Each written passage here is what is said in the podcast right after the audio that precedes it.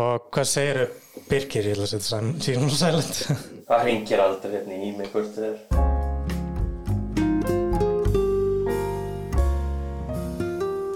Hvernig byrjaði fyrst að spila töluleiki og hvað var uppáhalds, eða hvað var þín svona fyrsta leikjavel? Mm, sko, uh, ég man bara að bróður minn átti Super Nintendo Jú, og ég átti í smá stund NES, Nintendo Entertainment System jú, og ég man að það var tæknilega mín fyrsta en ég man svo að pappi kom heim með Sega Mega Drive. Og það var mín tala þú veist, bróður minn spilaði Super Nintendo og NES en hann snert ekki Sega. Þannig að ég var með Sega alveg fyrir mig sko, þú ætti segja alveg fyrir þig. já.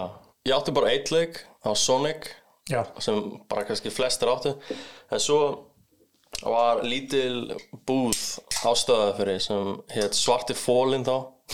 Hellanab geggja. og uh, það var oft svona lítil svona, já, nær. Það var hérna minn mæki svo sensitive sko. Hérna uh, það var svona, hvað heitir það, svona bin eða bara svona litla körfur á borðinu. Já, og það var með Asterix, þú veist Asterixur leikurinn, hann ég tók hann. Og svo hann Beavis and Butthead tók hann og tók á sagt á láni. En svo voru þeir að hætta með þetta. Og þá uh, fekk ég bara eiga á. Næs. en ég hugsaði af hverju fór ég ekki þá neyrir og náði bara restina, maður er ekkert að pæla þessum að krakki, í dag hef ég farið bara og reynsað allt inn á svarta hólun Já, nákvæmlega. Já, mikið nær. Getur þú tókað hann til þín bara? Það maður þarf ekki að snerta Jú, jú, þetta er, svona já, þetta er flott. Já, Fyrsta tölvanum, tölva ég, fyrsta tölva ég spilaði leiki á var Nintendo Entertainment System, pappi átt hana. Og fyrsta leikjatölva sem var mín, mín leikjatölva, það var Sega Ge- Genesis. Sega Genesis, Sega does what Nintendo don't. stríði byrja Stríði fyrir já. En ég fílaði bara tölvurnar. Síðan var alltaf Windows 95 vél á heimilinu. Mm. Þar spilaði ég dósleiki eins og Doom. Já, Og ég fílaði alltaf dósleikina miklu betur heldur en NES. er flottari Flottari og, og Sega, já. Já, dós alltaf bara frábært. Svo skemmtilegustu leikirnir sem ég spilaði sko voru dósleikir. ég sko ég spilaði aldrei PC fyrir en ég flutti í bæinn, þú veist, ég flutti í bæinn ég á tíara Já. og ég man að einn nágrann minn átti hérna uh, Monkey Island, ég man, það lítur bara að vera fyrsti sko. Já. og það var fyrsti sem ég spilaði en ég skildi ekki ennsku neitt frábæðlega vel þá. Og maður þurfti alltaf að velja þú veist hvað að segja. Þannig að ég veist ekki hvað var að segja. Þannig að já ég get sagt um að ekki fundst að hann er skemmtilega þá. Og það lét mig bara svona þetta er hundlegilegt, ég ætla bara aftur í seka og maður lítið að lesa það sko. Nei, þú hérna, þú er ekki spilað Doom. Nei, ég spila ekki Doom eða neitt að þessu fyrir en ég fór í bæinn og, og hérna uh, svona vinu minn í bænum Andri, hann átti fullt af svona leikjum, þú veist, var með Die Hard. Hérna á PC þá held ég fyrsti PC-leikur sem ég spilaði ever, svona í gegn Die Hard og PC. mm, hann er ekki góður sko Nei. kannski ekki alveg í gegn en ég spilaði með honum en svo let hann mig fá leik og það var fyrsti leikur sem ég vann sjálfur, bara ever veist, ég vann aldrei svona eitthvað svona Nei. En ég vann uh, söguþráðin í Crimson Skies legendary leikur á PC og ég get ekki, ég skil ekki akkur ekki til þættir að myndi að remake eða svona leik sko. Nei, ég var að tjekka því Ég var að tjekka á þessum leik svona til að þetta er svona Sky Pirates um, ekki einhverjum sjórengiskipum þetta er bara full on, bara einhverja gamlar vélar svona hrinja og svona hvað í fyrstu heimstyröldina var svona belgir. Já, svona airships já. það er, Zeppelin. þú veist, já, Zeppelins. Og þeir láta, þú veist, svona enemy planes droppa svona niður. Þetta er smá svona eins og Studio Ghibli myndin hérna Porco Rosso. Þetta er svona þannig fílingur Já, geggja Hvenær varstu fyrst var við mig sem content creator? það er annarkvort að sko ég held að ekki hef verið að þú hefði komið á strími á mér og við eitthvað random spjallað. Ég held að verið ég sá, sko annarkvort sá ég fara live á Facebook með leik já, eða ég fann þig áður en þú byrjar að stríma á Facebook. Það ég held að það ekkert verið svo ekkert endilega nýlegt fyrir þig en þú ert ekkert endilega búin að gera það mjög lengi það uh, nei. Þannig að ég held að sé áður. Og svo var ég að sjá á Facebookinu hjá þér held ég að þú værir að klippa og svona. Og ég var bara í bullandi veisinu með já, mér Adobe Premiere og allt þetta. Og núna skil ég helling sem þú varst að segja mér þá. En þegar þú varst að segja mér þá var ég bara, hvað er hann að tala um? Þetta er svo úgæslega flokkið maður. Og það er bara því ég gaf mér ekki tími í þetta en ég held að það veri gegnum það. Svo fór ég að skoða það á, á YouTube og, uh, og við byrjuðum að spjalla. Jó, ég man á, hafði samband um mig og hérna ég, ég talaði við þig gegnum Facebook Live og ég tengdist tölunni þinni og var að klippa eitthvað þig á Windows-ölunni. Hackerman Hackerman, já. Hakkaði mig inn í töluna þinn og klippti vídeo. Já, ég, þú veist, ég var með svo litla þólu með það. Ég var að gefa mér svona ég var að gefa mér pressu á mig veist, það er ekkert endilega margir endilega býð eftir myndbundum frá mér en ég um, bara aði háti bara í botni einn daginn er ég bara full að skrifa handrit og að klippa og svo næsta dag þá allt í inni byrjaði ég að skoða allir Yu-Gi-Oh! spilum og þá var það bara nummer eitt í hausnum og svo næsta dag þá var ég bara, nú ætlum ég bara að fara í seka og þetta er einhvern veginn svona hverfur. Líka því ég vinn sjö daga í röð sem er svolítið svona rough stundum og svo hef ég sjö daga frí. Og það er náttúrulega bara draumur. Fólk heyrir það bara wow bara sjö daga til að búið til heilt vídeo bara let's go.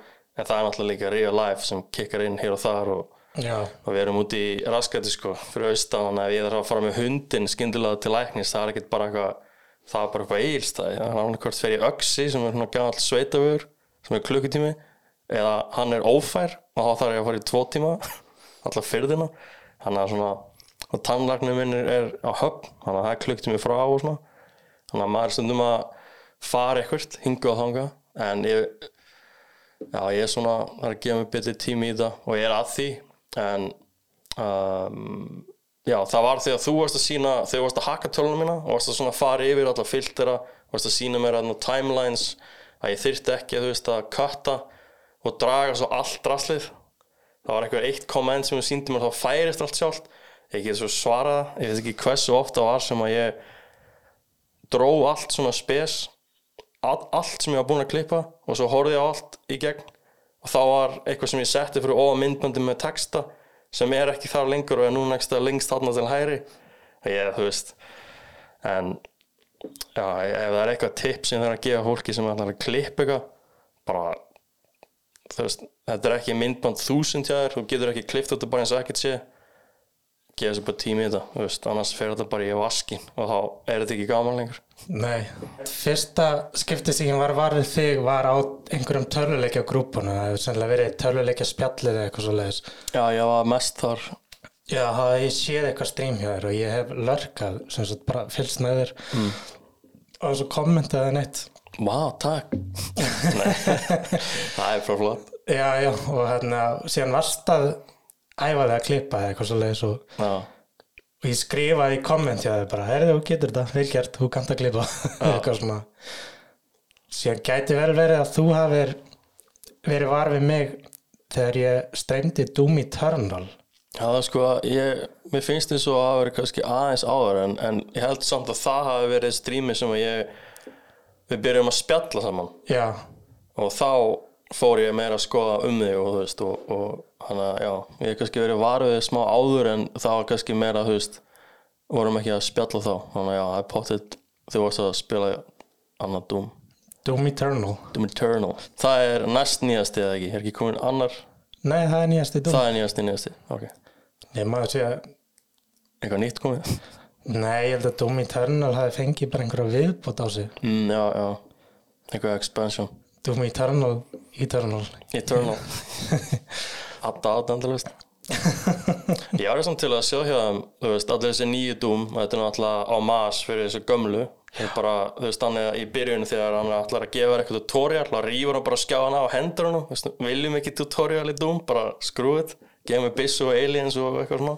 Já, uh, en ég var til að fá nýjan Doom sem væri að þú veist, það er svo mikið ég er mikill aðdæðandi svona pixel um, ég kalla það alltaf new retro. Veist, retro leikir sem eru glænýr í dag byggðir á þessum gömlu og kannski laga hitt og þetta. Ég var til að fá nýjan Doom sem væri bara eins og gamli og væri svona smá pixelated. Þyrfti ekki að vera svona, það hann er rough að horfa á þannig sé, hann er svona flottur en það er sumt sem var svona, ú, er þetta vatn, er þetta brú, ekki viss. En já, ég var til að fá, fá retro look Doom aftur. Og ég var til að hann var einhvern veginn randomly generated, hann var aldrei eins. Getur bara runna í gegn endalust það er pottet eitthvað randomly generation í þessum nýja en af því að mótilin er svo high def að það sé ekki hægt uh, já, ég var til að fá þú getur gert allt, pixlar eru bestir þú þarfst ekki að vanda þig. Þú gerir rétturleiki það er bara láta þetta vera smá smooth. Já, það hljóma vel Retro Doom hefur þessi myndina? Ég sé báðar Doom-myndirnar, já. Eru tvær, wow, ég, er svo, ég þarf að það að sjá hérna líka. Það eru ekki skemmtilegar. Nei, uh, mér finnst samt flott, ég held að sé endan þegar kemur svona first person mode. Það hefur verið gamla Doom-myndin Já, gamla, með rock Já, Dwayne, og Carl Urban Carl Urban. Já, sem le leika með Dredd. Mm, og var Vá. í Star Trek líka. Það var fárlega góð mynd rétt. Það var svo margir sem fannst það leiðilega ég var bara, þetta er bara snild shit, Já, mér finnst þetta bara besta mynd allara tíma sko. þetta var bara geggja. Og þú veist, allt þetta slow-mo dæmi og... en ég hugsaði samt þegar hún var búinn hugsaði, wow, hvað ég væri samt til í að þetta hefði verið þáttur. Já, þetta er þetta var kannski þáttur 2 núna búið, eða eitthvað, eða serið 1 búið. Já, mér langaði að sjá meira. Já, er svo miklu meira sko. Já, hann tekið upp í Söður Afriku og bara CGI svona einhver sci-fi element inn í borgina. Mm. bara rosalega vel gert og hún var flott að það, hétt hún ekki Mama? Jó, mamma hann, sem var hérna í Game of Thrones hérna. Og vonda drottningin. Vonda, vonda kettlíkin sem var aldrei hrifin á bróðu sinum Já, úf Kostir við töluleiki Ég er búin að skrifa góður escapismi til að kvíla heilan. Já, og þetta stöðlar af vitsmunnulegri virkni. Problem solving, raukhugsun vera fljótur að komast á rót vandans taka hann að góðar ákvarðanir sem fyrst? Já, ég sko ég var einhvern veginn að reyna að útskrifa þetta fyrir sumum um, en ég vildi ekki vera eitthvað að henda svo Facebook af því að þetta kannski ekki endilega sumir myndi kannski bara þetta og vera bara hvað er hann að tala um? Það sem ég var að reyna að tala um þegar COVID hit us hard þannig byrjun þegar þetta var þetta var náttúrulega alltaf slæmt en þetta var, það vissi bara engin eitt fyrsta mánuðin eða tvo og bara allir bara skítrættir og þá hugsaði ég, wow uh, fyrir okkur svona gamers, þá bara svona liftum við upp svona gluggutjaldinu og bara, eh, þetta er allt alveg nákvæmlega eins og var ára COVID kom og við erum bara ennþá hérna inni að spila. En fyrir þá sem spila ekki töluleiki sem ég skil alveg því að það var tími sem ég spilaði ekki töluleiki bara aldrei, ég, fótbolti var bara lífið mitt, bara þegar ég flutti í bæina var ég bara í fótbolta fullu ætlaði bara að vera næsti stöðfyringurinn í landsliði Ingi- Ívar Ingimá sem var fyrstur hérna, fyrsti stöðfinningurinn í hérna, landslið og ég bara, ég ætla að vera, nummer tvö og ég ætla að fara í redding líka eða liðupúli eða eitthvað svona. Og það var stór part af lífið minn en svo bara hitt og þetta gerist og ég hætti svona en þá fór ég að hugsa um, ég fann leiki af því ég var allt í nórin einn Já, í lífinu, veist, auðvitað áttum að vína en ég er alltaf inn orðin eitt þá hefur stætt ég í hérna, Scrolls 4 Oblivion þá svona hætti mér að líða illa því ég var í einhvern öðrum heim bara veist, og tónlistin og allt og hljómar mjög de depressing en það sem ég reyna að segja er til dæmis einhver sem spilar ekki töluleiki bara eins og kærastum minn spilar ekki töluleiki en hún getur alveg hoppað í Mario Kart og svo leiðis en þetta er ekki þú veist, eins og mér er þetta svolítið brútala því ég á bara næstu allar tölur og allar leiki inn í pínleitli leiki herbygju þetta er problem. En til dæmis einhver sem spilar ekki töluleiki þá hugsa ég, wow uh, fólk sem er heima og veit bara ekki hvað að gera náði í Red Dead Redemption 2 eða eitthvað svo leiðis bara story heavy driven leik það er ekki verið Red Dead en það er einn af bestu leiki sem ég spila ever. Já, og hvernig var það að- að hætta vera down heimiðar og hoppa bara upp á hest og fara eitthvað út í vilda vestri í einhverjum leik bara í marg klukktíma? Eða þú veist God of War eða eitthvað svona eða eins og við varst að tala um problem solve leiki sem að er leikur sem að var mjög vinsat í COVID það var þannig að It Makes Two. Eða It, It Takes Two. Þá spilar þarna það er faður og móður sem að verða hef ekki reynd að spila hann það oft að, það sem ég er að, meina að, segja, er að reyna að segja ég hef ekki spilað hann en ég séð þetta leika á þessum leik. Af því ég er ekki með neitt sem að þú veist, ég er með tölvuna uppi þannig að getur leikin komið upp og spila með mér þannig að að þetta er leikur sem að, einhver, þú að mamma og pappi og þau verða, held að þau verði brúða brúður og þá þurfa þau að fara um herbyggið eða þú veist, það er alltaf það sem ég held að sé í gangi. Og það er leikur sem þú ætti að vinna saman, þú veist, til dæmis að fara upp einhverja hillu, þú getur ekki bara klífrað, þú þarft að hoppa upp á bakið og þú þarft að íta þegar ég ít til að hoppa upp, alls konar svona og það komið fullt af svona leikjum út. Þetta er mjög slæmt dæmi en af því ég hef ekki spilað en leik þá er ég ekki viss hvernig þetta veldur virkar en ég sé nokkur strím þar sem fólk er, þú veist, bara random part ekstra í leiknum. Og það er alltaf eitthvað svona þrýr, tveir, eitt og þá þurfur að gera eitthvað á sama tíma og svona. Það er alltaf til leikur fyrir alla. Það þarf ekki að vera bara hei, uh, þú veist, ég er aldrei að fara að bjóða kærastu minni, minni að koma í Warzone með mér, þú veist eða League of Legends eitthvað svona sem þú þarf bara að vita alla takk og þetta er rosa fast paced og, og hann að ég myndi frekar hérna hendin í Super Nintendo Mini og eitthvað leiki þar eða Já. Slæmaði töluleiki, þeir geta verið ávanabindandi og maður er háður dopamin hittinu. Maður er að ná í dopamin úr leiknum við að gera ekki neitt í rauninni. Og maður einangra sig líka og hann að og maður getur orðið bara letingja við þetta, veist, kemur einhver verk, er ekkert að leita að vinna eða neitt, veist, er bara að spila töluleik endalöst. já, Þetta er svona út að verðluna heilan með dopaminni hitti á hans að standa upp og framkama eitthvað, actually. mm, Svo þetta er áfanabindandi. já Getur skemmt líf margra. Já, líka bara eins og um, eins og með mig, ég var svona að grínast í, í, kæristinu þegar við vorum að byrja saman, veist, ég er ekki svona Doritos Call of Duty Mountain Dew guy, ég er meira svona bonus snack Pepsi Max og, og retro leikir sem engin spila lengi í dag. En um, eins og með mig þegar ég var uh, hjá pappa minnum áður en við fluttum yfir í húsi hjá mér þá uh, fluttum saman þar inn þá var ég áður en hitti hana og svona þá var ég bara ég vann bara í gömlu vinnunum minna og vann ég þar kannski bara held ég að það verið 8 til 5 bara svona normal af því að vinnan hjá mér í dag er ekki normal. Um, þá fór ég bara heim og svo strímaði ég bara í kannski svona 6 tíma. Og það var kannski bara svona 5, 6, 7, 10 maður að horfa mig. Það sem ég er að meina er ef ég fór ekki live þá leið mér bara eins og ég væri bara aðleitt af því að ég var að tala um fólki í chatinu og stundum því ég fór ekki live og var kannski að spila ykkur leik þá fór ég ekki live í marga daga og ég fór veist, ekkert út úr húsi bara af því að ég var bara full í þessum leik að reyna að klára þennan leik og svo bara hrúaðist dósir og drastleik kringum mig og svo var ekkert tjóna að horfa í út um yfirvand um, hérna Gaming Quarterly held ég hann heiti. Hann tekur oft svona spjöll spjalla við okkur og þá var hann að segja horfa í kringum ykkur og sjá allt drastleik kringum ykkur svona líður ykkur. Já, þú veist, you, you feel the mess around you the mess is you.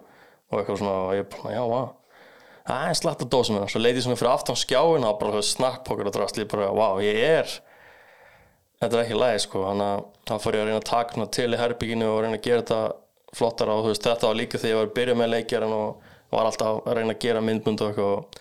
Og, núna er ég konið minna pláss ég er uppi í svona kompu uppi, þar er leikjarbygging mitt í dag og ég get alltaf staðið upp sko. Þetta er svona mjög lítið og ég hugsa alltaf í dag ef ég hefði byrjað leikjaran og allt þetta í stóra herbygginu þvílitt pláss, ekkert máli að gera þættina en ég var bara ekki standi þú veist, bara aldrei hefði ég sest niður og klift eitthvað myndband eða, eða farið út að taka upp mig í lópapeis og þykist eitthvað túristi með eitthvað, Já, eitthvað myndaðilega, þú veist, aldrei. Þannig að fyrir mig voru töluleikir alveg vandamál en svo breytti ég meira í svona content creation. Já. af því að þú ert að vinna með töluleikina það sem ég var að reyna að útskipra í kæristinu er að ég er meira svona live í beinni fyrir frá fólk og var að gefa fólki svona nostalgíu gefa þeim askanum tilbaka.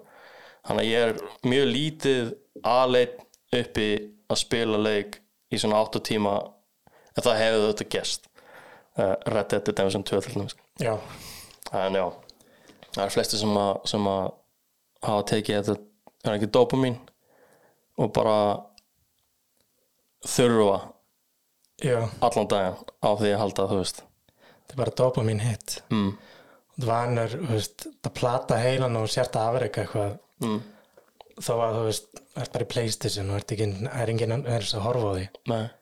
þú fær ekki neitt fyrir þetta, þannig séð Já, ég held að líka þegar þú ert að stríma því að, þú ert að sína fólki það sem þú ert að gera því ég hugsa alltaf, ég gæti alveg verið að spila um leik einn, en það er skemmtilega að fólk hlægi þegar eitthvað fyndi gerist eða eitthvað ótrúlegt gerist eða, eða þú veist, á ég að fá það til hægri eða vinstri, þá oft spyr ég ykkur í chatinu, þú veist, hægri eða vinstri? Og af því að þau segja hægri þá gerist þetta út af því að þau koma með þannig að þetta er svona, ég fæði dopamin en svo fæði ég líka svona félagskaplegin og ég held að það er það sem vantar hjá þessum sem fá bara dopaminskampin og engan með sér. Að þú ert einn í herbyggi, þú ert með headset og mic og þú ert kannski að spila League of Legends með viniðinum en hann er ekkert hjá þér sko. Þetta er ekkert lengur að fólk fari heim til hvað hans og spili sko. Svo er þetta aftur á móti líka góður escapismi. Mm. svo það er að góða, það er að kvíla sig á eftir einhvern erfiðan vinnudag eða eitthvað að spila bara töluleiki og bara og slaka maður alveg á heilanum. Já, en maður fesku daginn eftir í vinnunni, í skólanum eða eitthvað algjörlega. Svo þetta er mjög gott. Og svo er þetta líka það, er, þú veist, maður verður gáðar að þessu. Maður lærir að vinna vandamálum taka snöggar ákvarðanir Já, sjá út úr hlutum mm. skotleikinn svona lítill skjár og veist, maður læra þú veist, góða sjónir og heyra þú veist og heyra eitthvað kasta kannski granat og svo þú veist telur, þetta er bara ósala já, þú veist, þú ert ekki eitthvað um víu öll en þú ert samt, þú veist, það er eitthvað svona lítið sem kikkar inn, eins og League of Legends maður er bara að klikka músina skrilja á sinum. Og þú veist að þú veist að hreyfa svona litla mús bara á þú ert að farma, þú ert að drepa hana lane minions, ég oft hugsað bara wow, maður er bara þú veist, ég er ekkert að hreyfa hendina þetta mikið en það er svo margt í gangi yfir 30 mínútur. Einn leikur er 30 mínútur svo tekur maður bara kjúar inn annan og annan og annan og maður alltaf að og horfa upp og niður og horfa hvað þessar að gera. Það er miklu meiri gangi sko svona baka tjöldinu uh, nefnum maður sér kannski að spila golfleika eitthvað en þá ertu kannski að reikna út líka veist, eitthvað, og það er náttúrulega vindur og svona dóti í þessum nýju leikum þannig að ja, tölvu ekki leina á sér svona heila starfsemi sem að þú getur ekkert látið fara í gang nefnum að spila eitthvað leik. Eins og börn kunni ekki ennsku spila einhvern hlutverkaleika eða eitthvað og læra bara ennsku Já, eins og þegar ég var að læra ennsku þá var ég alltaf að horfa á Cartoon Network svo fór maður alltaf inn á cartoonnetwork.com og þá var alltaf leikir þar. Já, Þannig ég held ég að bara lært ennsku í einhvern Cartoon Network svo var Cartoon Network að hættum það bara closed. Já þeir eru það. Mm. Og líka með hlutverkaleiki gamla dagar sérstaklega var mikill texti. Já, var D&D og svona. Já, var maður bara svona barn að lesa ennskan texta bara lærið ennsku eins og þegar ég var að fyrst að lesa bækur ég er með svala lesblund en ég ætlaði mér að lesa The Hobbit. Já, og ég, sko, ég svindlaði af því að hún var náttúrulega á íslensku ég veit ekki, það er náttúrulega ekki svindlabind en, en veist, það er mitt mál eins og langaði mér að lesa hann á ennsku en ég las hann á íslensku einu sinni tvisvar bara svona til að vita svo hvað hann er reyna að útskýra á ennsku en það virkaði ekkert endilega því að flóið er öðruvísi á ennsku þetta er náttúrulega sama sagan en þetta er orðað öðruvísi á íslensku. Og þú veist baggabú og eitthvað svona. Já, og svo var einn ein kennarinn minn í Snælandskóla þá ákvað hún að lesa upp Hobbitan á ennsku mm. ef hún hefði ekki gert það ég held sko ándjóks ef hún hefði ekki valið það að lesa hana á ennsku fyrir okkur hún var ekki eins og ennsku kennar okkar þá hefði ég ekki farið upp á bókasafn þú veist, mánuði setna að leitað alls konar bókum á ennsku Harry Potter eða eitthvað. Það, ég hefði Potter ekki gert það sko. þannig að thanks. Elsa, held hún að heita ok, shoutout Elsa. Shoutout. Elsa. Kostir við töluleiki í gamla daga. Það er búin að skrifa hérna. Mm. það var gaman að kíkja í heimsótt til vini minna. Mm. Þeir áttu öðrus leikju og tölver en ég. Það var félagslegi þátturinn. Það er að fara til einhvers sem átti eins og Super Nintendo eða eitthvað mm. og sjá hvað hvaða leiki hann var að spila og svona. Líka smá merkilegt við þetta af mér, ég átti heim í pínlitlum bæ stöðaförur, þú veist, þegar ég átti heima þarna og var alveg pott bara svona 100 manns.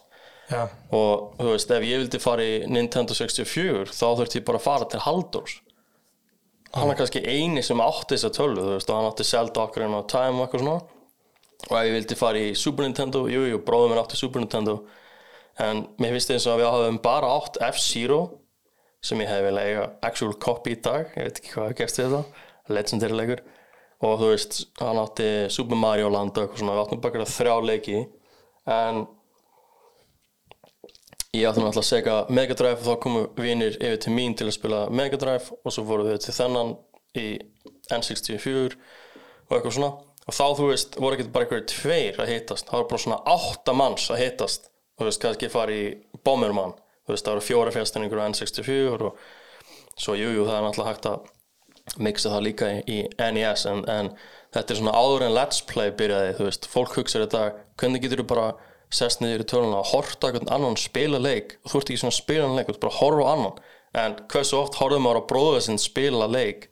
Og það var alveg jafn skemmtilegt, þú veist af því að ég náttúrulega pröfaði kannski Super Mario Land. Og ég kunni ekkert vel á hann en hann gæti bara rúlaði gegnum borðið þannig að ég held náttúrulega bara frekar að horfa á hann sko. Já, en í dag þetta er náttúrulega öðrisi í dag og þetta er öðrisi en það sem ég er að reyna að segja er að núna ferur bara þú veist til vinaðis og það er annarkvæmt bara Playstation hvað, 5 eða Xbox One. Og jújú jú, það er Nintendo Switch líka og svona. En þetta er ekki eins af því að nú ferðu til vinaðis sem á Playstation 5 eða vinuðin sem á Xbox One. Og það er sami leikurinn kannski. En hann er eitthvað, þú veist, sjáu hérna, sjáu þetta löfbla hérna. Það eru minni píkslar í þessu löfblaði en, en í þessum leik en í gamla þetta hafa bara svona, já, þessi leikur er ekki á Super Nintendo. Hann er Nei. bara á Sega. Já, og ef hann var á Sega eða, eða Super Nintendo til dæmis Aladdin Aladdin, hann er eiginlega betri á Sega.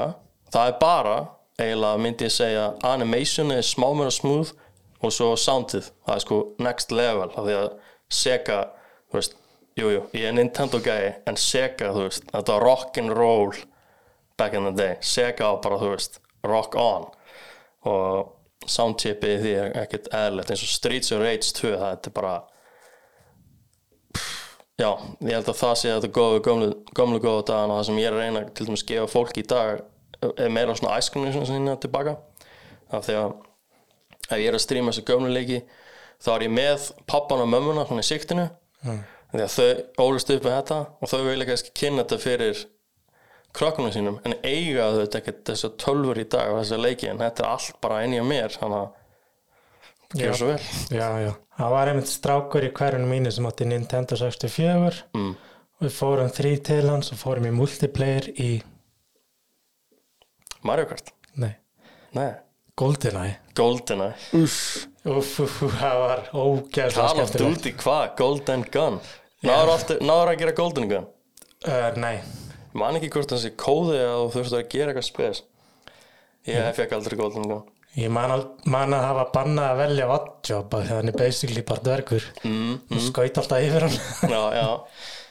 Já, wow Sko, ég er líka búin að heyra með GoldenEye. Þetta er svolítið síðan, kannski er komið eitthvað betur út núna. En það var búið að gefa út einhver ádáðandi gerði source code eða svona svona eins og CryEngine og þessar vélar en hann bjóð til, þetta var eitthvað open source þannig að hann runnaði bara ógislega smooth en hann breytti einhver sko. Þetta var bara hann runnaði smooth og það bara að láta hann runna betur það breytti öllu og núna gáttu verið fleiri inn á þú veist, en fjóri, það gáttu verið kannski átta. Mm. það breytti öllu sko. Og ég Já. veit ekki alveg hvernig maður á að spila hann maður getur bátið download og segja eitthvað svona. Það er náttúrulega bara fan sem maður er að gera þetta Já, En ég var til að fá svona frá Nintendo og frá þessu fólki þú veist, okkur er alltaf ádagandur að, að gera allt betur eins og eins og hérna, Sonic Mania. Það var bara ádagandur sem gerðu þann leik, svona hardcore fans. Það var eldri bróði félagið minn sem kynnti mig fyrir Mortal Kombat 3. Ú, Það var fyrsta skipti sem ég sá svona raunverulegt fólk mm, í bardaðarleik. það er mjög áhugavert líka Það var þessi, það er ég að tala um þessi svona stop motion Já, stop motion. Það er bara tekið myndir að þeim bara. Já, bara Og- blóð og inniblið og Já, já.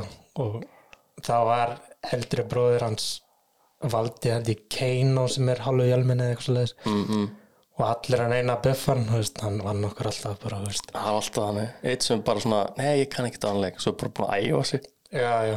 Þá hann fekk ég Mortal Kombat æði. mm, bara keipti leikinn og var bara að æfa með þvíli tema á hann bara.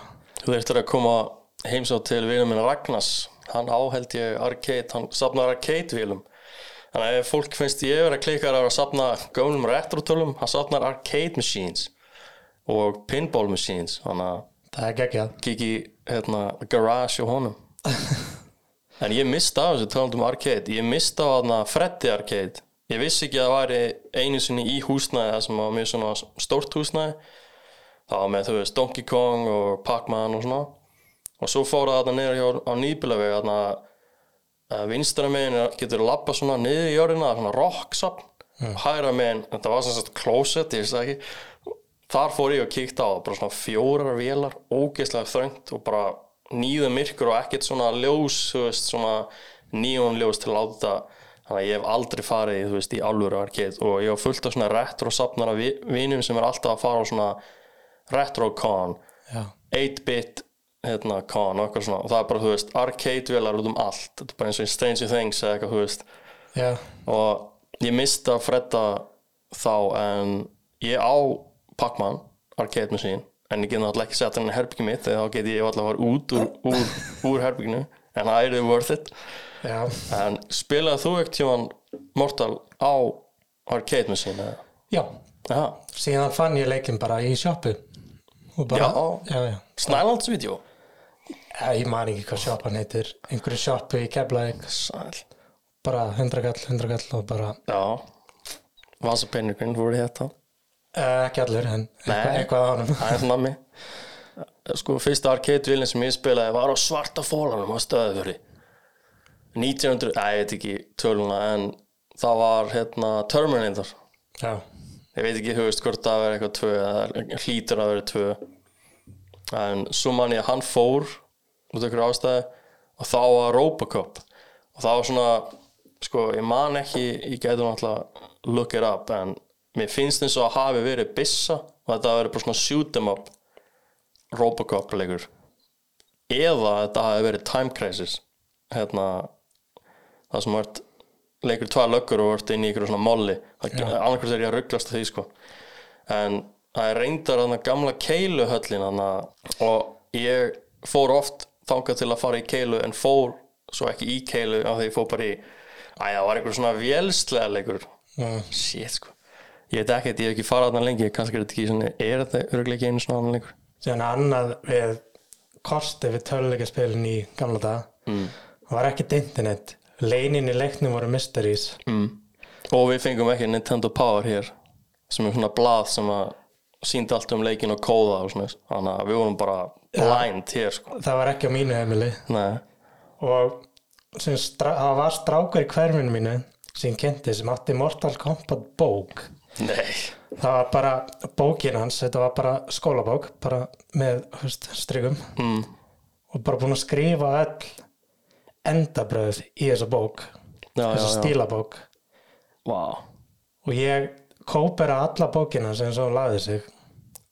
Síðan flutti strákunum burtu þá var ég með öll leinin og síðan kóperuðu vini mínir leinin og og bókinni seldur á fimm úrskall nei, nei, nei, það er bara ókýrðis það er samt gaman að eiga svona í dag, gamalt leini og setja bara upp á vegg veist, í, í myndarama þegar man þegar maður var að spila GTA San Andreas og láta þú skriðdregunum fljúa og eitthvað svona það var bara skrifað. En þá reyndar var Cheat Planet Hmm. komið upp. Og þá gafstu farið þangað þú veist, og skrifað leini Já, það var ekki internet í mér, það var bara er einhver fengið þessi fatality annarkvort á blaði eða og það er líka endabröð segja fatalities, já. alltaf GTA San Andreas Playstation 2 en þú veist Mortal Kombat þá að hvernig hann hefur bara lært þessu bröður bara Nei, hann hefur fengið þetta frá internetinu. Þetta var ekki, það var einhverju með internet. Já, já, ok. Hacker. Já, einhverju hackerman eða eitthvað svona. Já, það voru einhverju törleika blaði að því að það voru Nintendo Power voru einna en það rata aldrei heimdi mín, ég sá þetta aldrei. Já, hei, já, ég, sko, ég náttúrulega verið var, hérna, sko. var að austan sko, hana, pottit pottit verið ykkur stær til hérna. Og mér finnst eins og Nintendo og Sega stríðið hér á Íslandi mér finnst eins og Eymundsson hafi verið Nintendo svo var eitthvað annað fyrirtæki sem var bara með Sega tölur ég heyrði þetta einhvern einhvern tímann. Eymundsson, er þetta að tala um Bræðin Rámsson ég Brian Ormsson, já. Já, það var bara, þú veist, það fyrst bara Nintendo þar. Og svo vildi fá Sega og þú þurftur að fara, þú veist í- í goltina, ég veit ekki hvað var. Já, já, já. það var svona voða mix and match hjá mér. Hverjir áttu Sega tölur og hverjir áttu Nintendo og Super Nintendo? Mm. og svo skífan var í jú, í Smáralind. Það var staðurinn sem ég fór. Veist, það var svo margir sem fór alltaf í BT Já. það var svona stríðum mitt loka vinna bara BT rugglega það, ég ætla að hjá þannig að the sexy skífaleiti Já, já, já, já, skífan ég ætla að þanga og, og þar keipti ég náttúrulega Playstation 1 og 2 leiki oftast. En uh, í dag ef ég er að sapna þessum gömlu réttarleikjum þá er ég með svo marga vini sem að vita þú veist um góða díla á netinu eitthvað svona. En hálft, meir en hálft sapni mitt er allt bara af Íslandi. Það er fullt af gestum sem að gamlar konur og eitthvað svona vita bara ekki hvað er í þessum kassa. En ég er alltaf með reglu sérstaklega í byrjun þegar ég byrjaði að sapna það ef að einhver gömul kona ég fekk náttúrulega oft bara skilabóð á leikjarinn bara, herra, ég er hérna með fullt af leiki með áhuga, ég sé út með svona sapn Já. greinlega það í landanum eitthvað svona uh, sem er bara gáðan og þá var ég með reglu að, já ok, þú vilt selja sem þessa 50 Nintendo 64 leiki og ég, veist, búin að pinpointa bara að slefa yfir nokkur um að tillanum sem ég sé, bara ok ég vil fá þetta. En spurðu sonin fyrst. Ég er ekki að fara að taka æskuna af honum bara því að amma gaman vildi selja þetta, þetta rusl sem er inn í þessum póka sko. ég sé gersama, þegar ég sé gersama sko, hana, þá, þá vildi ég alltaf fá að vita sko, ertu viss og vilja selja þetta og í byrjun var ég með svona þetta var svona skrítið sko en þetta er bara I'm a kind person. Ég var með svona limmiða sem ég setti á uh, hluti sem ég fekk veist, og þannig að ef hann myndi einhvern tíma bara breytast hugur og vilja þetta aftur sko þá er ég ekki fara að segja bara eitthvað nei, af því ég get alltaf fengið mér aðra N64 tölu og leikið þú veist, einhvern annan hátt þannig að já, ég var með þetta fyrst en núna, þú veist, það vill aldrei neitt þetta aftur þannig að ég hætti með þetta limmiða system. Já, ég já. með það samt fyrst það ég það. Það er mjög gott hjá þér. Mm. Segðu mig betur frá þegar landin kom í heimsóttilinn. Já, sko, þetta var svolítið klikkað því ég fór í bæinn í Game TV viðtal. Og þá heitti ég Óla á svona fyrsta sinn. Og ég hef búin að vera að stríma fyrir þá í Game TV á Twitch áður en þeir byrjuðu með strímin sem er í dag. Þetta er að fara alveg frábæra leið í dag þeim Já, og þá var ég nýkomin bara austur. Ég er bara nýbúin að lenda á djúbói maður sem sagt sjö tíma að keira veist, ég keira ekkert bara beint eftir viðtalið ég keira kannski næsta dag. En já, ég er bara nýkomin heim og þá fekk ég skilabú bara hérna hæ uh, við erum hérna að fara á landanum. Við verðum á djúbói á morgun og hinn. Ekki getur ekki myndir við vilja sína safnið þetta svona? Ég bara jú, en svo horfði ég svona herbyggjum mitt að allt í rusli messi Yikes. sko hún sagði svona ekki vera að taka til eða neitt. Við viljum bara sjá hvernig þetta er. Og ég bara svona já, ok. En ég tók hún alltaf smá til ég ætla ekki að láta þau vera að geta að labba um sko. Að þá komu þau inn hann hann kom með svona rísa myndaðal sko. Svona rísa stand, ég hef aldrei séð svona myndaðal áður. Þetta var bara eitthvað annað skrimsli sko. Þetta var digitalvel eða ekki? Já, ég held það, þetta, var- veit var og hann svona, þetta var óslega skemmtilegt lið, þau kom inn pappi var ekki heima sko, hann að hann bóði þeim upp á kaffi. Ég er svona eitthvað ég get ekki bóðið ykkur upp á neitt ef ekki bara byrja það bara, jú, jú, og ég gaf hann, snikka, segja þetta ekki. Og svo bara byrjuðu þetta var alveg þrý tímar. Og þetta var því að hausina mér var alltaf bara mér langar að búið til hérna, leikjarinn þætti, mér langar að búið til leikjarinn þætti. Og þá sá ég svona smá making of en fyndið að ég þurfti að minnast á það making of sagt, viðtal við mig. Þú veist, hvernig hann raðaði leikjónum spes og tók svona slow. Þú veist, hann hæði þetta ekki í tölvunni eða þú veist, í editing programminu hann, hann, hann var bara svo smooth hann bara gerði svona sm smooth svona slow shot yfir leikina. Og svo svona var ég að tala og þá sett hann leikina leikifootage í þáttunum yfir mig. Og þá var ég bara svona, já, já. Þannig ég var að læra á editing og eitthvað, þú veist því ég sá þáttin en versta við þetta, uh, ég er að meina sko, þetta var allt mjög gána frábært en versta sem að þurft að gerast var að ég hérna hafði þá hugmynd að spila Fortnite. Og ég hef núla áhuga Fortnite. En ég hugsaði ef að amma og afi, pappa og mamma er að horfa á landan hvernig kem ég krökkunum inn í stofu? Hvernig læti ég þá hlaupin í stofu? Horfa. Og svo koma að horfa á strífum mitt eftir að þátturinn kemur út og ég hugsaði, ég ætla að svona þetta Fortnite, spila hann, ég náði hann. Og svo leti ég fólkið á stríminu minni vita að ég myndi verða live þannig ég myndi, ég held ég fór fólk sko í chatið líka sko, ég myndi vera live nýju um morgunin, þau komu sex um morgunin og við byrjum strax. Þannig að ég fór live og það var bara engin í chatinu, bara ég eitthvað, ég held að sést í þáttunum, ég er eitthvað hæ, engin þetta kom svo illa út, það er eins og engin horfa á mig, þú veist, ég er ekki að segja margir horfa á mig en það var alveg fjöldi sem langaði að koma að vera með í þáttunum.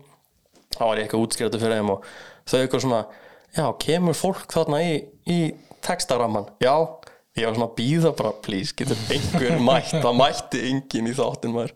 Ég eitthvað útskriðata og svo er mér rústað þegar hann setur myndaðan og er að taka upp skjáin og ég er eitthvað útskýra. Svo er einhver gaur að byggja bara hús mm. að meðan ég er að skjóta hann. Svo er hann búin að byggja svona stóra blokk og ég er ennþá að skjóta hann. Og þá skýtur hann mig og ég deg og ég er bara svona, já uh, já, þetta er búið og hann bara, já, ok. Og svo hitt stressið var ég var með Rob the Robot sem er svona gamalt Nintendo accessory. Jú, mjög töff mjög hægt og háært og ég á bara hann, bent á hann, bara ef ekki hafa hann leikin, leikilína af þáttunum svona í endan ég er alveg, jú. Og ég vissi ekki hvort það virkaði lengur sko. ég er ekki búin að nota hann lengi sko. ég sett hann í gang, hann blikkaði ég setti Famicom tölun í gang sem er japanska NES talan. Já, og ég bara, þú veist, þetta þurfti allt bara að virka bara núna. En málum með það þessar gömlu tölur, þú veist allt sem ég á virkar.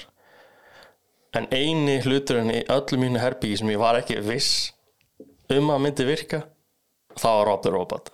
En hann, hann virkaði já, sem betur fer. Og já, það kendi mér margt þessi, þessi landin þáttur en, en uh, mér, ég væri til að fá þau aftur ekkert og svona að sína hvernig þetta er núna því að ég var ekki viss hvað ég vildi segja þeim eða þú veist hvað ég ætti að tala um. Þótt ég í dag var ég með alveg sko allt á hreinu hvað ég myndi að tala um og svona þannig að please sendi mig annars skilabóð ég skal taka til betur kannski. Geggja Anna kosti við tölvuleikja spilin í gamla dag það voru LAN-partíin. Mm. og vá. Já, ég man að ég var heima hjá félaga mínum. Og vorum allir að lana spila saman Alien vs Predator 2 shit, það er besti leikur alltaf tíma. Já, já, og ég og ungi stráka vorum í einu herbyggi svo var stóri bróðir félaga minns og vinur hans í öðru herbyggi mm. þeir voru skremslin, gameskremslin og þeir já. voru marines. Shit, og þeir voru náttúrulega miklu betri en við það voru góði tímar. Vá. Og þú veist, mátti reykja inni hjá honum. Og vorum 14 ára og vorum allir að borða nammi og reykja sígrætti bara já, stóri bróðum var auðvitað að drekka áfengi og það var álur lambarti já, já, og líka vitur, þá, já. þú veist maður uh, já, kannski ekki á þessum tíma þegar ég man bara eftir að maður fór með alla PC-tölunum svona í bílinn og keiriði öllu draslum til vinnarsins til að tengja en þú veist ég man að bróður minn tók oft, þú veist, túbasjónvarpið hendi því aftur í bílinn. Þú veist, það er ekkert smá túbasjónvarp og svo Super Nintendo sinna eða eitthvað og fór yfir til vinnarsins en, þetta er öðru sem með þessa PC gaming menningu þá var svona það er aðeins skemmtilega að lana þannig. Já, ég man að fóreldra mínir hjálpuðum með talrundi bíl og skvöldlega mig til hans og það var bara mjög gaman sko. Já, stærsta svona LAN party sem ég fari í sem ég maður mest eftir þá var ég og Halldór og Snorri og svona æskuvinur frá stöðafri við hittumst allir á stöðafri og vorum að spila hérna uh, Left, já, Left 4 Dead. Já. maður svona drepa zombies og svona, og þetta var, þú veist þetta var fyrsta þetta var fyrsta skipti sem ég spilaði leik frá kannski eitt bara um dag. Og svo hættu við kannski bara svona fimm um, um, um nóttina eitthvað þú veist og það var, ég man ekkert eftir ég að hafa staðið upp og fengið mér að borða það eitthvað svona þú veist, við pótuð gerða það en Já. þetta var mitt fyrsta bara non-stop klikkað landparti sem að enginn var að pæla hvað tíminn var sko. Kekja. núna er maður með þetta sem er skipulagt. Við vorum um þetta að drekka gós bara nammi og pentu pizza hjá okkur og Mm. þetta er svo mikið stemming, veist, þetta er ekkert svona í dag. Menn eru bara internetinu þeir eru bara spila Fortnite á Playstation í gegnum Já. neti bara. Svo var þú veist einn vininn með þú veist 500 ping og er bara eitthvað að lagga gett og það messar upp þitt gameplay því að þú ert að spila þú veist, í staðan að eru bara allir á sama stað með pítsu, slice á pítsu og þú veist, eins og já, ég man líka uh, nokkru vinnu minni í, í Cowboy. Þá fórum við heim til vinnu minns og við spilum, við skiptumst bara ánáttúrulega í Playstation 2 í hérna Lord of the Rings leikinir Já, þannig að The Movie Tie-in Games. Og ég held að það hef bara verið Return of the King eða eitthvað svona. Og veist, ég vil alltaf vera Legolas og hann vil alltaf vera Gandalf og, og, og þá þurftum við alltaf að skiptast á og vorum, vorum alveg sex. Og þá spilum við leikinn fengum okkur pítsu og þá svo þegar við vorum búin að spila gegnum leikinn einu sinni þá fórum við og horfðum á myndina og þá vorum við alltaf miklu meira pepp og þá fórum við aftur í leikinn.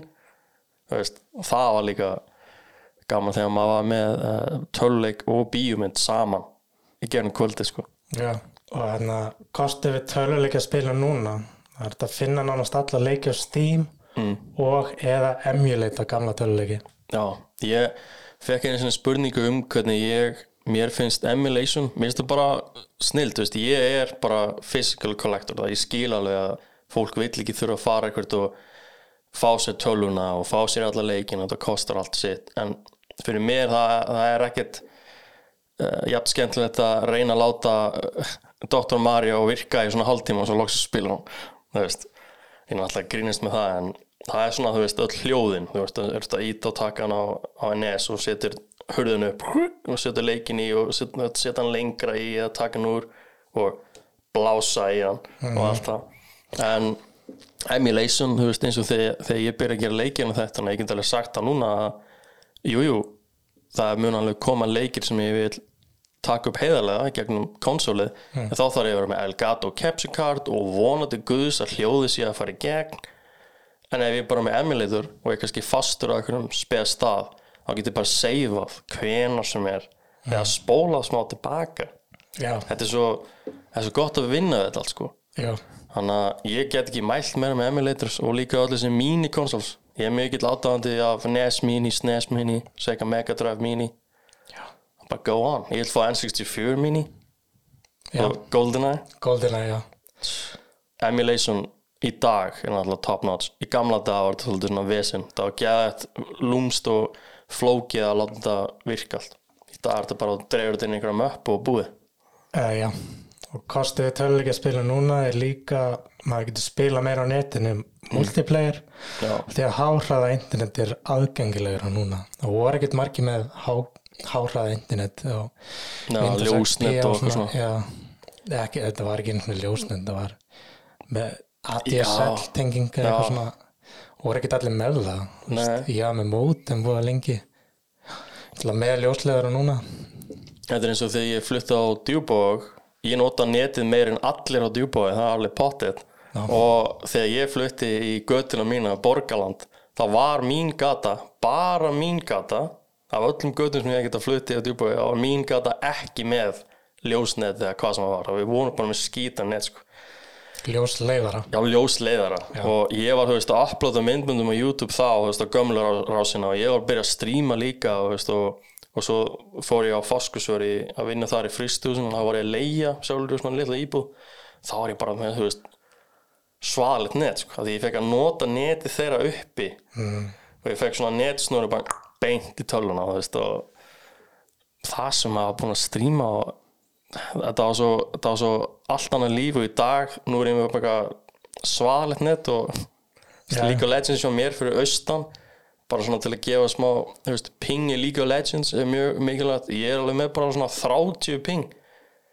Og svo þegar fer ég að rýna hérna í Cowboy, það er alveg bara svona kannski 20 upp í 40 ping, þannig að kannski öðru síðan, það er svona skriljón tölur á þinni, kannski já, það er svona í dag, það eru bara allir með gott net og ég er mjög fegin að að Borgaland er komið með ljósleðara búin að vera með hann okkur ár til hamingi Takk. Hvaða leiki ertu spennti fyrir Sko, að komi það er bara tveir leikir sem ég, sem ég get ekki beðið eftir sem ég bara svona ef það kemur eitthvað tvít eða eitthvað bara aðeins bara, þú veist, eitthvað smá verið að ræða leikinn, þá var ég að skoða. Og það er hérna sko, já við erum alltaf að býja eftir Elder Scrolls 6 og allt það. Jú, jú. En ég er að býja eftir Starfield frá Bethesda, og ég veit hann verður ekki eins og ég held að hann gæti orðið og ég er búin að sjá þetta gameplay footage og allt það skriljum sem er búin að fara á neti og skoða allt um hann að leika og allt það. En ég hef svona tilfinninguna, á það að Todd Howard og crewið sem eru núna sem, þetta er crewið sem hefur verið bakvið um, já, Oblivion Fallout 3 og flesta af þessu fólki vann ekki í disasterinu hana, Fallout 76 Já. þannig að þetta er svona solid crew af fólki. Og þetta er drauma leikurinn hjá mjög mörgum jújú, Elder Scrolls og Fallout þetta er alveg cool og allt það. Skyrim var alltaf bara svalur þú getur spilað Skyrim á ískapneginum í dagnasti og allt það, en þetta er nýtt IP í fyrsta sinn í skrifnar og maður sér bara þegar er að tala um Starfield að bara, þú veist, að blikka á honum augun. Ég, skil, ég get ekki útskýrt það, það er bara, þú veist þetta er leikurinn sem hann vil búa til. Þannig að að segja að ég sé spennt fyrir þessum leik, sko ég get ekki beðið eftir, sko. En það voru mjög margir að segja mér ég ætti að spila nýja God of War Ragnarok og ég er mikill átæðandi um, þú veist, Norse, Norse Mythology og þannig að allir, ég þurfi ekki að kíkja á hann. Og það er bara allir að segja mér að ég verða að spila hann leik ég spilaði bara fyrsta á Playstation 2 ég hef ekkert spilað síðan þannig að ég já, ég er auðvitað að missa okkur svali sko. Já, er leikið sem ég er spenntið fyrir það er Starfield líka. Mm. Han Solo Simulator já, ég er smá að spá í, í skil þetta smá svona worry með Generated Planets. En eins og í, við höfum séð í No Man's Sky uh, hann er búinn að toppa sig ár eftir ár með alls konar nýju frídóti og hann er orðin leikurinn sem að þeir höfðu í huga en hann er ekki leikurinn sem við höfðum í huga. Því að hau- hausinn á okkur fegur bara út um allt og við erum að ímynda okkur, ímynda okkur allt sem að við viljum í hann leik en við erum ekki búið til hann leik. En Starfield auðvitað muni vera plánundur sem að muni ekki vera mikið á. En ég held að sé bara þannig in real life á núti, ég held að sé ekki eitthvað mikið á þessum plánundum sko. Þannig að ég, ég er samt búin að ákvæða mig að um leiðum að getur farið frá þessari fyrstu plánundu á mér sínst að vera eitthvað svona mánu eða eitthvað, eitthvað tungl og það er eitthvað að vera að mæna. Ég er búin að skoða hann að treyla alltaf oft sko. það er eitthvað að vera að mæna eitthvað og ég held að gerist, ég held að þú sért mænar og að gerist eitthvað. Já, og eitthvað gerist og eitthvað meira gerist og svo farið að fara frá plánundinu og þá fara að fljúa og ég er mikill aðdáðandi uh, Firefly og kveikmyndirinnar Serenity. Ég er algjör brown coat þetta fyrir mér náttúrulega, já, eins og þú segir Han Solo Simulator og fyrir mér er þetta Firefly Simulator. Þannig að ég ætla að fljúa og lenda bara okkur á plánundu ég ætla bara að vera þar í alveg ákveðlega góðan tíma sko. þannig fyrir að fara eitthvað lengra ég ætla bara að vera hana mjög lengi. Ég mun örglega eða miklum tími að búa til base á einhverju plónandi Mm, Ég, er líka mjög skemmtilegt hvernig er leið okkur að búið til base. Þetta er, þú getur svona zooma út og veist, þetta er eiginlega annar leikur fyrir, fyrir, fyrir sig sko. Svo margt, þetta er svona býður upp á margt þessi leikur og ég er ekki búin að sjá í neinu gameplay footage samt að, að séu önnur races alien races, en ég meina, on geða okkur einn Argonian. Það er eitthvað. Það þarf ekkert að vera það þarf bara að vera bara sjóræðingar raiders mm. þessi Firefly, það er enga gameverur Firefly, það virkar. Já, og þú veist, Star Wars, jú, jú, það er náttúrulega en, en við sjáum ekkert oft. Uh, uh, jú, við sjáum alltaf jú, jú. já, ég er að meina um, söguheitunar fara, við sjáum þær svo mikið að við erum ekkert alltaf að sjá gamerur endilega, náttúrulega, jú, jú, Chewbacca já, og þetta lið, en það virkar að þú þarft að gera með gamerur, en ég sá samt mjög mörg concept arts, það sem er fullt af svona einhverjum lizard people og einhverjum svona skrýtna, þannig að kannski fáum við einn Argonian í Starfield já, þetta tala um geimverur sem eru vitsmunaverur? Já, sem er ekki, þú veist Já. Já, sem er ekki bara einhver eitthvað eitthva, eitthva blátt fyrildi á einhverju plándu 2 já, einhver krókodill með sexlappir Já, þú veist, ekki eitthvað svona sem þú þarft að drepa eða þú veist, eitthvað svona já, sem sagt svona NPC sem er með þér. Já, það hlýtur að vera hægt. Og það sem ég vil sjá mest frá þessu er þegar þú ert að lappa um skipið og það þú getur að fengja heldur stórt skip. Þú ert með crew, þau eru búin að segja það. Já, alltaf verði eins og eins og FTL Faster Than Light, svona getur komandað fólkinu ég veit ekki, kannski er ég voru oflant í þetta. Já, að geta búið til eða hann að breytt gameskipinu Já, bara það gefur mér smá svona Mass Effect feeling að vera með eitthvað crew. Mass Effect nema að breyti bara skipinu einu. Mm. bara bæti við að sjúkrahúsi og vatnabúri og ég ætla bara að vera með sjúkrós já, med medic shit. Medic shit. Halin manni bara. Vinu minn er eitthvað að mæna bara hvað er þú með skriljónir hérna á reikninga þeir? Ég er bara medic. Easy money getur þú glækast það. Já, ég vona það. Senda á Todd bara, halló Hvað rugglir það? já, Hashtag, hvað er, er Eldscross 6? Nei, eins og með hann. Ég vil að það taki bara sinni svo langan tíma og bara mögulega er, eh, geta sko. Ekki, ekki taka Cyberpunk á þetta með Eldscross 6 bara já, take your damn time. Þótt ég þurfa að spila hann þegar hann er 50 ára þá getið spila hann til 100 ára skilur bara gefa hann út þegar hann er veist, algjörlega 100% reddi að þetta er leikur sem má ekki feila þegar hann kemur út. Nei. Og þegar þeir eru með svo solid skrá þú veist, Eldur 1 og 2 jú, jú, Todd Howard kom ekki fyrir en Redguard og Morrowind en þú veist, segjum bara Morrowind, Oblivion, Skyrim þú veist ég er ekki að segja að sé létt niður erfitt á toppa Skyrim en það sem ég er búin að heyra og svona conspiracy theories um sex hmm. please, bara haldi áfram að gera það sem við gera og haldi þessu bara leyndu og láti bara Todd fara á svið hér og þar í gegnum árin vera eitthvað svona síningur eitt og eitt screenshot. Það má mér þess að vera bara blurred image mér alveg sama. Bara þú veist, þetta er leikur sem verður að vera perfect í hann kemur út. Það má ekkert feila á þetta sko. nei. Hvað vilt þú að næsti Fallout leikur mun gerast? Sko, mér langar að Obsidian gerir næsta Fallout leik. Þeir gerir New Vegas. Já, það er bara því að þeir eru með svo góður hugmyndir og, og ég held þeir séu bara þeir séu með meira passion fyrir Fallout en Bethesda. Jú, það getur bara og ég var til að fá þessi cruise aftur og þessi teams og allt það sem var í New Vegas og ég hef, sko ég hef séð mod sem gerist í London. Mér finnst það Já. áhugavert. Já, en það er mod, það er ekki þú veist actual leikur sem er polished hann er eitthvað polished en, en ég man því ég spilaði Fallout 4 það sem að ég tók frá þeim leikar er vákvað þetta er flott. Weather system og eitthvað svona alls konar. En þetta var samt bara Fallout 3 fyrir mér, þetta var ekkert þetta var bara eins og Fallout 3 bara HD og svo aðeins fleiri öðru þessi hugmyndir. Það var ekki nóg fyrir mér. Mér varst Fallout 4 ekkert vera spes. En nú vil ég er takið næsta leik. Og ég var til í að ég var til í að fá svona ég veit ekki Chinese eða Japanese theme. Fari svona eitthvað svona veit ekki hvernig ég getur breytt þeman endalega en ég veit það ekki bara hendi okkur í eitthvað annar part í heiminum sem það þarf ekki alltaf að vera in the States. Það var eitthvað annað. Egyptaland Egyptaland, já. Ég verður að segja að ég myndi vilja hafa þetta í New Orleans, Louisiana. Já. Nú, Swamp og hana, ég fari þarna, þetta er mjög skemmtilegt. New Orleans er mjög skemmtileg borg til að heimsækja.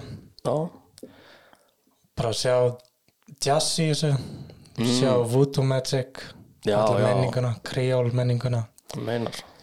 Já, það var að medic já, voodoo magic. Good Medic Já, ég var líka ég var til í að leikur myndi bjóða þar upp og þú veist, þú væri kannski með bara með world map og þú getur bara valið kannski, ég myndi skipta sér ykkur að parta og þú myndi bara velja. Ég ætla að spila leikinn hérðan frá. Og þá gætur ekki valið staðan að þú ætlar að komast þangað. Mm. eða eitthvað. Ég, já, ég hvar var fjögur? Fjögur var í Boston. Boston. Mark Wahlberg. Já, baseball Það var í Boston, Boston, já. Boston. Já, Ég var til að fá eitthvað nýtt þýma á þetta sko. Fallout er svo, þetta er svo interesting allt. Og ég var til að fá ga gamla mekanikið í Fallout 1 og 2 sem er svona, þetta er miklu meira gritti þetta er miklu meira svona brútal þetta er alveg brútalið 3 og svona. En þetta er ekki eins og í gömlu fyrstu tveim sem voru náttúrulega þau voru ekki með license og svona þá. Man ekki hver gera 1 og 2 það var allan ekki Bethesda og svona. Nei, en það voru menn sem vinni Bethesda núna. Nei, hérna sem að unni þeim, já. Obsidian, Obsidian. núna. Þeir unnu 1 og 2 sko. Já, já, þess Þeir- svona var New Vegas svona Já, hann var gritti og ég elskaði þetta svona cowboy þíman í byrjun og lítla bænum hana. Dynamite Joe og eitthvað.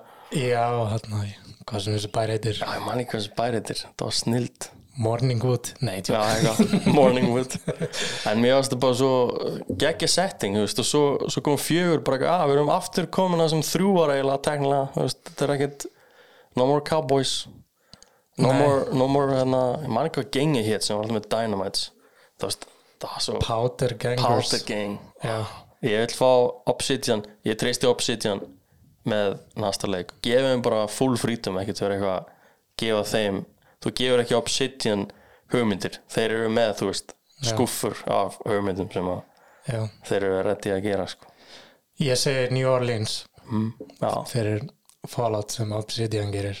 Ég vil China. Þú vil Kína. Nei, veit ekki. Ég veit ekki.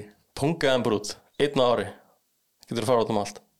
Já, það með leiður á þessu. Nei, ég Já, veit ekki. þetta- þá er þetta bara eins og einhver tinna tinnalegur. Já, já, já Hvernig spáðið þú að cryptocurrency munum breyta töluleikjaspilin í framtíðinni? Sko ég veit mjög lítið um svona krypto en er það meina til dæmis með um, svona leiki heimin og, og, og, veist, og það, það sem fólk getur sett í metna að gera leikin og hvað leikurinn mun kosta að búa hann til og svona. Og líka NFTs Já, sko ég held bara ef er gert rétt þá held ég að stúdíos og svona geti fengið meira fjármagn til að hrúa í þessa leiki. Af því að stundum kemur leikun eins og segjum bara Cyberpunk. Svona 80% af þeim leik eins og þessi lifandi borg og allt það sem er höfist eiginlega bara svona lifandi hringur. Þetta er bara svona fimm götur það sem er fullt af fólki að, að, að lifa sínu lífi og bara keira um og eitthvað og svo ferðu kannski bara í götu þrjú og tekur svona hæri begi þá er engin bíl þarna engin maður, ekkert. Þetta er Já. bara eins og þetta sé demo. Þannig að 80% af leiknum hefur bara kostahelling en svo restin er hafa ekki bara náð að vinna allt þetta dót. Ég veit að leikurinn er að batna núna Já, en ég held að Cyberpunk mun ekki batna eins og No Man's Sky. Nei, því að No Man's Sky er náttúrulega byggðu öðru og allt er generated og allt það. En ég er ennþá bara svo pissed og, og disappointed með Cyberpunk. Mér Cyberpunk. sagan frábær. Þetta er einn besta svona motion capture sem ég í leik, ég hef aldrei séð þetta svona vel gert. En allt hitt og bara eitthvað, já, ok. Ég er að keira um í eðimörkinu en í þrjá klukkutíma og allir kaktusinn eru eins. Ég veit að kaktusir eru eins en það er ekki sem ég er að minna það er enginn þannig ekkert ég er ekki einu svona að keira yfir snák sko, nei, það er ekkert þannig nei, nei, nei. Þannig þú segir að cryptocurrency getur hjálpað að leikja fyrirtækjum að fá meira fjármagn til að gera hlutina betur. Já, því að mér finnst það tölvuleikir það á ekkert að jú, jú, það kostar mikið en mér finnst svo mikið eins og, eins og EA og svona, þetta er- þetta er- þetta er bara svona hvað jötnar af peningum. Þeir eiga bara ógislega mikið en svo bara vilja þær bara meiri pening og nota ekki peningin í tölvuleikina sem þeir eru að búa til. Eða þú veist, developa. Já, skildi ekki sko. Þannig að töluleikja fyrirtækin ef við leggja metnað í þetta þá Mm. mun maður kaupa NFTs non-fungible tokens í leiknum. Já, já, og þeir munu setja þetta aftur í leikin þannig munum við velina á betur fyrir að Já. gera vinnu svona vel. Já, það er í sniðt í staðan fyrir eins og þetta er bara því ég spila með mikið að League of Legends. Að vera eitthvað, þú veist, já ég ætla að veluna hérna Riot með því að kaupa skinn á kalli minn. Ég ætla, ég ætla að vera í svona ég ætla að vera í sundlaugarbúning í dag. Já. þú veist, þeir, það er enginn sem bjóti þetta skinn, hann er ekki að fá eitthvað 5.000 krónun á reikningi sína því ég keipti sundlaugarskinn á björnin sem ég ætla að spila. Nei, veist, þetta er, ég væri til að veluna þessu lið og uh, já, ef Bethesda gerir Starfield perfect og, og þeir hleypa, þeir reyndar Bethesda hefur alltaf hleyft moddurum inn, gefum frjálst Já. frítum þannig að það velur nú bara bæðið veist, að opna, opna þetta fyrir þeim sko. Já, og ég man þegar ég var að sjá eitthvað heimildumynd um Oblivion, Elder Scrolls 4 Oblivion þegar hann kom út þá gáðu þeir bara hérna editing software það sem þeir notuðu til að búa til leikin bara hérna já, og út af því þá kom hugmynd af Shivering Isle sem var mod sem Bethesda bjóð til en þau hefði ekki gert það eða hefði ekki gefið áhörnundunum eða aðdáðundunum leikilinn af öllu saman sem ég voru með. Kannski ekki, þeir kannski gáðum ekki leikilinn af öllu en potið 90% af þeir sem var notuð sko. já. Það er það er ballsy, það er passion með kannski verður besti leikur allra tíma. Sko ég er náttúrulega með svo mikið tölvum og leikjum þannig að ég er eini allan dag að fara yfir tölvur þú veist, þessi bestur á Super Nintendo þessi bestur. En fyrir mér sko ég gæti sagt Red Dead Redemption 2 ég gæti sagt Chrono Trigger á Super Nintendo en ég held svona að besti leikur sem ég hef spilað sem er svona bara persónulega fyrir mér er held ég bara GTA San Andreas og ég veit að hann er ekki perfect en þetta var fyrsti open world leikurum minn. Og þegar ég spilaði GTA San Andreas ég spilaði hann ekki eins og vinið minnir í þú veist, eitthvað að- keira á gangstætti yfir alla og veist, jújú, jú, það eru misjón sem var að mördura og, og drepa og stela og ræna og allt það. En ég var bara eitthvað að keira um Já. ég var bara að keira um í Countryside bara með K-Rose radio var í botni og að keira einhvern trukk eða þú veist að fara í street race í borginni eða var að fljúa það er það sem ég var að gera og þú veist og þegar mamma kom ég, náttúrulega- ég var á efri hæðinni ég heyrði alltaf svona brak í stíganum þá var mamma alveg að vera komin upp sko.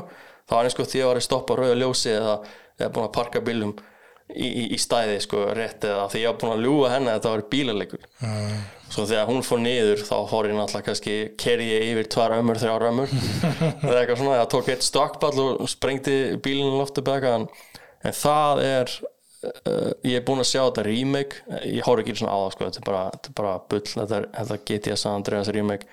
Og fólk kannski myndi spyrja já en GTA 5 jújú, jú, GTA 5 er svaðalur, það er ekki að kera bíl og, og heyra svona svona hitan í vélinni og svona og þú veist en það ég vil bara fá GTA 5 look á San Andreas, ég vil ekki fá eitthvað svona inspired by, ég vil bara fá San Andreas álfuru HD en ég er reyndar spennt fyrir næsta GTA af því að mér sýnist þetta að vera svolítið Vice City-legt þannig að já, bestilegur alltaf tíma GTA San Andreas. Ég veit að hann er hard to look at og allt það en það sem að ég svona finn þegar ég er að spila og bara tilfinningin og nostalgía með tónlistina og þetta er líka eitt besta leikur sem ég hef heyrt með gerfi í radio. Þú veist, þetta var náttúrulega bara allt planað já, og maður með Ice Cube í gangi og okkur svona hip-hop bíl og eitthvað, þú veist. Þannig að já, en ég er líka með í haustum Red Dead Redemption 2 en það er meira story story driven svona og hlaupum heiminn. GTA San Andreas, sagan er alveg tough en þetta er meira svona yo-yo gangsta sem ég hef lítinn áhuga á. Já, sem ég svolítið fyndið að því að þetta er GTA San Andreas og ég hef lítinn áhuga á þessu gangstadóti já, en það er bara því ég var að keirum og fljúa ég var ekki gangster, ég var bara flugmaður og, og taxabílsturi ok. Hjá mér það var það að hann efa Doom Mhm. fyrsti. Fyrst í það er bara leikur sem stendst tímans hann, hann er bara alltaf góður. Já, alltaf skemmtilegur. Og það var bara uppáðsleikurinn minn í æsku Doom á DOS, þetta var Windows 95 tala, ég þurfti að fara í DOS til að keira hana leik. Já, það var bara Doom, ég verði að segja Doom 1 Doom 2 er líka rosalega skemmtilegur en borðin í Doom 1 eru bara superb, allir þrýr kaplarnir upplunlega mm. og líka bara uh, þegar fólk sér myndin af The Doom Guy veist, hann, hann er búin að meiða sig eða er reyður eða þú veist þannig að þú ert að ég held að þegar þú ert búin að drepa mjög margir röð þá fær hann svona evil grinn á sig. Þú veist allt svona er hann leikið svo, svo klassist sko. Og hljóðið og bara hann var svo smooth þegar hann kom út. Þetta var bara svona kannski ekki fyrsti leikurinn sem var þú veist mjög, mjög margt uh, svona, hvað segir maður FPS high. Nei, kannski ekki en- endilega en þú veist eins og Quake og þetta ég, ég var aldrei í því, ég var bara í Doom. Það var bara Doom í bóði vini mínu voru kannski Quake eða ykkur af þessum öðrum leikjum. En það fyrir mér var alltaf bara klóna Doom. Já, Doom-klón. Doom klón það er náttúrulega orðið í dag líka þú veist, já, Doom klón það var fyrst fyrir hérna first person shooter. Mhm. og leikir kallaði Doom-klóns. Já, já, já. Hvernig var þinn draum á Doom, þú veist, var það til að fá retro Doom í dag? Eða finnst þér þessi nýju Doom leikir bara að vera ekki ekki þér nýju Doom-leikirnir eru bara mjög fínir. Eru þeir ekki bara svolítið svona um, blast from the past þetta er smá gamli en þetta er nýtt? Já. það er ekki bara hannig Jú. Ég líka sé hérna af þessum nýja þá þá var einhver að segja að hann hafði er, erfiðan dag í vinni og bara svona lífið hans var ekki þetta besta staðin svo fór hann bara heim og setti bara tónlistin í botn í nýja dúm og bara plaff einhver, skrimslu og geimur í einhverja klukktíma og bara þú veist gat ekki verið gladari eftir það sko. Og líka ég var til að pröfa hann leiki VR Já, þú veist að finna já, þegar þú ert að skjóta þú veist. Þetta er allt svo heavy og, og svona rock'n'roll, þetta er svona rock'n'roll leikur. Tónlistin er alltaf bara svaðaleg tónlistin alltaf voru bara herm eftir rock. Mm. rocktónlist sem við hlustu á þegar við voru að fóra þetta leikin já, hann er smooth, þökk sé John Carmack sem var prógramsnillingur já, hann er það ennþá. Og John Romero hann að borðin og gerði lúkið á leiknum já. Þetta eru svona gæja sem ég líti upp til það væri gaman að þeir myndu, ég veit ekki hver er að vinna í dag en það væri gaman að þeir myndu hendi einn í dag. Kannski var hann eitthvað smá behind the scenes af nýju eða eitthvað. En ég var til í að hann myndi svona, þeir myndu bara prófa að búa til Doom í dag ekki með nýju grafikinni, myndi bara prófa að búa til gamla Doom í dag og nota gamlar hugmyndir þá sem maður gáti ekki gert þá. Bara búa til svona einn, einn í viðbútt John Romero hefur búið til kabla fyrir Doom, nýjan kabla ok, Doom 1 og að með nýri tónlist. Nú, nú, nú. Þannig að það er eitthvað í gangi. John Carmack hann vinnur hjá Meta sennilega núna, það er að gera Oculus Rift. Mm. kannski fá við okkur Doom já, nema að segja til Doom í VR að lítur að vera. Já, kannski ekki officially kannski bara eitthvað fan mod. En eins og með Doom ég man, ég var líka uh, já, Doom minnir mig bara á og það var annar leikur sem var líka mjög vinsall, það var Half-Life. En ég spilaði ekki fyrsta Half-Life fyrst. Og ég er að tala um marga mánuði vissi ég ekki að væri til sem sagt bara Half-Life leikur sem var bara þessi fyrsti. Já, ég spilaði hana Blue Shift þú ert eitthvað lögga og eitthvað eitthvað svona her, herleikur sem er græn ég átti þessa tvo og svo stjúbróðum minn let mér vita bara hvað, hvað er að spila þessa? Þetta er bara svona spin-offs þetta er svona aukapaki þetta er áruleikurinn svo spilaði ég fyrsta Half-Life og bara geðveikur sko. Hann John Carmack vinnur ennþá Já, það, já. Hann, hann vann hjá Oculus Rift síðan þegar hann að Zuckerberg kefti það og setti það í Meta hindi sama hatt og Meta. Meta. Tók hann John Carmack með sér. Hvernig heldur þetta metadæmi þetta lítur ill út eins og er. Þetta er sko, þetta er bara eins og þetta minnir mig á manstu eftir, þetta voru að Playstation 2 þetta voru svona litlega webcam sem þú gæst setja á skjáin og spila svona leiki þú veist, þú sást þig í sjónarpinu og þú gæst vera að þrjúa glugga. Þetta er svona þannig ok, þetta er ekki alveg eins hugmynd en þetta lítur þannig út eins og er. Þetta er bara svona já, þetta er bara hugmynd og við erum ekki að setja mikið metnað eins og er í þetta en þetta gæti náttúrulega Þeir- sprungið út. þeir eru að hrúa peningum í þetta. Já, það er þeir eru málið. á fullu að þessu. já, þannig að það er ofst nefnt að segja hvernig þetta mun vera, hvernig þetta mun líti út. Maður veit ekki roskat. Þetta gæti alveg orðið next bara næsta sko. Svo hugsa maður í framtíðinu bara, að ég manni ég var ekki að grína þessu já, það gæti verið það this out. Nei, ég, ég, ég samt vill ekki fara á elli heimili í framtíðinni að vera út í hotni með eitthvað VR gleru og eitthvað að fljúa flugvel ég, ég tek bara nes með mér ég held að, alright eitthvað túpi sjórp og, og nes bara, þú veist virkar alltaf ennþá potið sko. já. Já, ég veit ekki, þú segir þetta komið gott. Það er ekki? Yes. að ég er bara þakkar fyrir að hérna, að ég spurði þig. En það er bara því að mér er svo mikið áhuga af því að þetta er, ég er með hlaðvarp sjálfur og svona er að reyna að vinna í þessu sjálfur.